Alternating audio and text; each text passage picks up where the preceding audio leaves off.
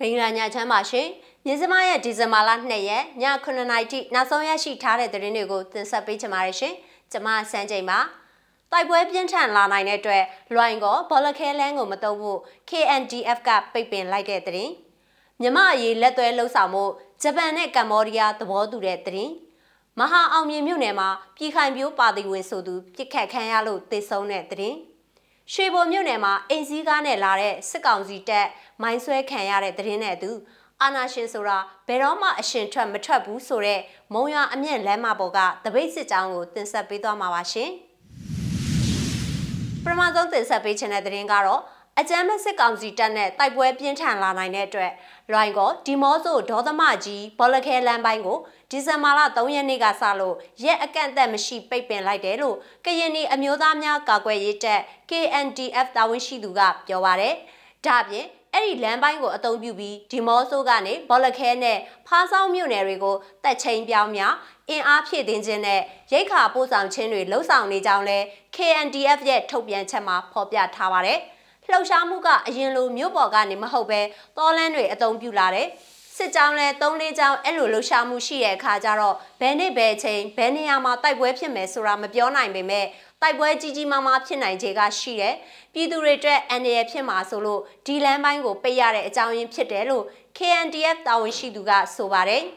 အလားတူဒီမော့ဆိုအရှိဘက်ချမ်းကျေးရွာတွေကိုကင်းထောက်ခြင်းနဲ့စစ်ရေးလှုပ်ရှားမှုတွေပြုလုပ်ရမှာစစ်ကောင်စီတပ်ကအဲ့ဒီလမ်းကြောင်းကိုအသုံးပြုနေကြောင်း KNDF ကဆိုပါတယ်စစ်ကြောင်းထိုးရလမ်းတစ်လျှောက်မှာလဲရွာတွေကိုမီးရှို့ပြီးတက်လာကြောင်းနဲ့မြန်မာနိုင်ငံမှာအင်အားအကောင်ဆုံး PDF တပ်ဖွဲ့ဖြစ်တဲ့ကရင်နီအမျိုးသားများကာကွယ်ရေးတပ် KNDF ကိုဖြိုခွင်းဖို့ကြိုးပမ်းလာခြင်းဖြစ်ကြောင်းသူကသုံးသပ်ပါတယ်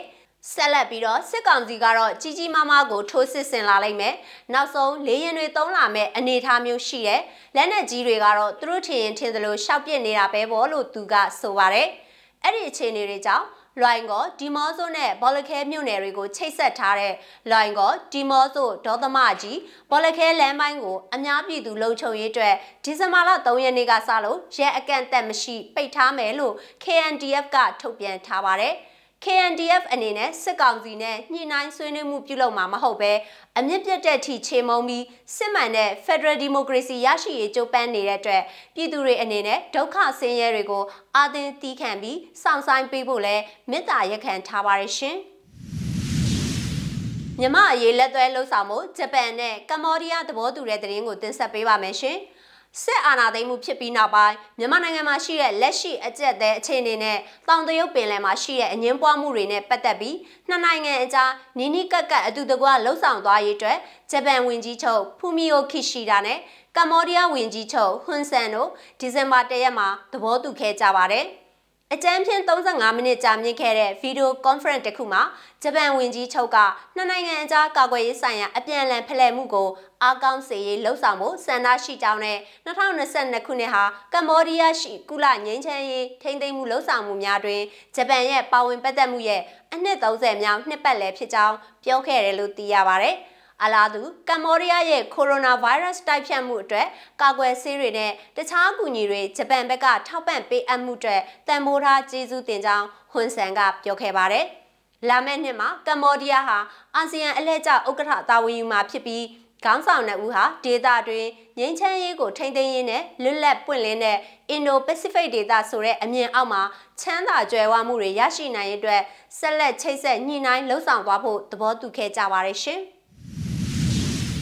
မန္တလေးတိုင်းကသတင်းကိုလည်းတင်ဆက်ပေးချင်ပါတယ်။မန္တလေးတိုင်းမဟာအောင်မြင်မြို့နယ်တန်လက်မော်အနောက်အေတုခရက်ကွက်မှာဒီကနေ့ဒီဇင်ဘာလ2ရက်မနက်7:00နာရီခန့်ကပြည်ခိုင်ပြိုးပါတီဝင်ဆိုသူတဦးတနက်နဲ့ပြစ်ခတ်ခံရပြီးတေဆုံးသွားကြောင်းဒေသခံတွေစီကသိရပါဗျ။သူက USDP ပါတီကလေမဲဆွဲကိစ္စတွေတုန်းကဆိုတအားတက်ကြွတဲ့လူပေါ့နောက်တော့ဒလန်လို့နာမည်ကြီးလာပြီး သူကိုယ်တိုင်လည်းစစ်တပ်သတင်းပေးလုံးနေတာကိုရက်ွက်ကသိကြတယ်ဒီနေ့တော့သူ့အိမ်ရှိမှတင်တနက်နဲ့ပြစ်သက်ခံလိုက်ရတယ်ခေါင်းကိုတေးသေးချာချာကိုတေ့ပြီးပြစ်သွားတာပါနေရာမှာတင်ပွဲချင်းပြီးတေးတာပါပဲလို့မဟာအောင်မြင်မြို့နယ်တန်လက်မော်အနောက်ရက်ွက်ဒေသခံတအုပ်ကပြောပါတယ်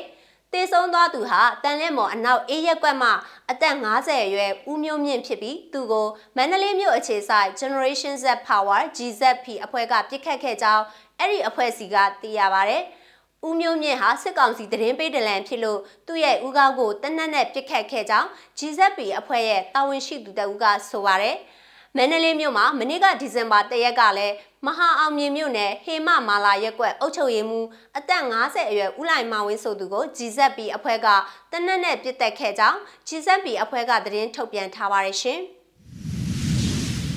ဆက်လက်ပြီးတော့စကိုင်းတိုင်းရွှေဘုံမြို့နယ်တီလုံးရွာဘက်ကနေအိမ်စီးကားနဲ့ထွက်ခွာလာတဲ့စစ်ကောင်စီတပ်ကားတစ်စီးကိုမနေ့ကဒီဇင်ဘာ၁ရက်မွန်းလွဲ2နာရီခန့်မှာဇီးဖြူကုန်းရွာထိပ်မှာရွှေဘိုဖိုက်တာ1အဖွဲ့နဲ့ညီနောင်မဟာမိတ်အဖွဲ့တွေကမိုင်းဆွဲပြီးပစ်ခတ်တိုက်ခိုက်ခဲ့ကြောင်းသိရပါဗျ။တစည်းတဲ့ခင်ဗျအိမ်စီးကားစစ်ကောင်စီတပ်သားတွေတင်သွားတဲ့ကားပါ ကားကဗန်ကားအမျိုးအစားပဲ9ယောက်လောက်တော့ပါတယ်ကားထိခိုက်မှုများပါတယ်တေဆုံးမှုတော့ကျွန်တော်အတိမပြုတ်နိုင်သေးပါဘူးလို့ Fighter 1အဖွဲ့ကပြောပါတယ်တိုက်ခိုက်မှုအပြီးဆိုင်ကယ်နှစ်စီးနဲ့စစ်ကောင်စီတပ်ဖွဲ့ဝင်၄ဦးစစ်ကူရောက်လာချိန်မှာပျောက်ကြားတက်ကပြန်လဲဆုတ်ခွာခဲ့တယ်လို့ဆိုပါတယ်အဲ့ဒီမိုင်းဆွဲမှုကြောင့်စစ်ကောင်စီတပ်သားများစီးနင်းလာတဲ့ကားနေရာမှာပဲရက်တန့်သွားခဲ့ပြီးတော့အ ਨੇ ဆုံး၃ဦးအပြင်းထန်ထိခိုက်နိုင်ကြောင်းရွှေဘို Fighter 1C ကသိရပါတယ်ရှင်။ နောက်ဆုံးတင်ဆက်ပေးချင်တဲ့သတင်းကတော့စကိုင်းတိုင်းမုံရွာမြို့နယ်မုံရွာအမြင့်လမ်းမပေါ်ရှိရွာတွေကဒီကနေ့ဒီဇင်ဘာလ2ရက်အာယုံဦးအချိန်မှာစစ်အာဏာရှင်စနစ်ဆန့်ကျင်ချီတက်ဆန္ဒပြကြပါတယ်။အာဏာရှင်ဆိုတာဘယ်တော့မှအရှင်ထွက်မထွက်ဘူးဆိုတဲ့စာတမ်းကိုကင်ဆွဲပြီးမိတို့တွေထွင်းညစ်ပြီးတော့ကြွေးကြော်တန်တွေဟစ်ကြွေးချီတက်ခဲ့ကြပါတယ်။ရုပ်တံဖိုင်ကိုလည်းရှုစားရအောင်ပါရှင်။စစ်အာဏာရှင်စန့်ကျင်ရေးဒိုးရေးဒိုးရေးဒီမိုကရေစီအကျင့်ရေးဒိုးရေးဒိုးရေးဒီမိုကရေစီအကျင့်ရေးဒိုးရေးဒိုးရေးအမြင့်ပြ အမြင့်ပြ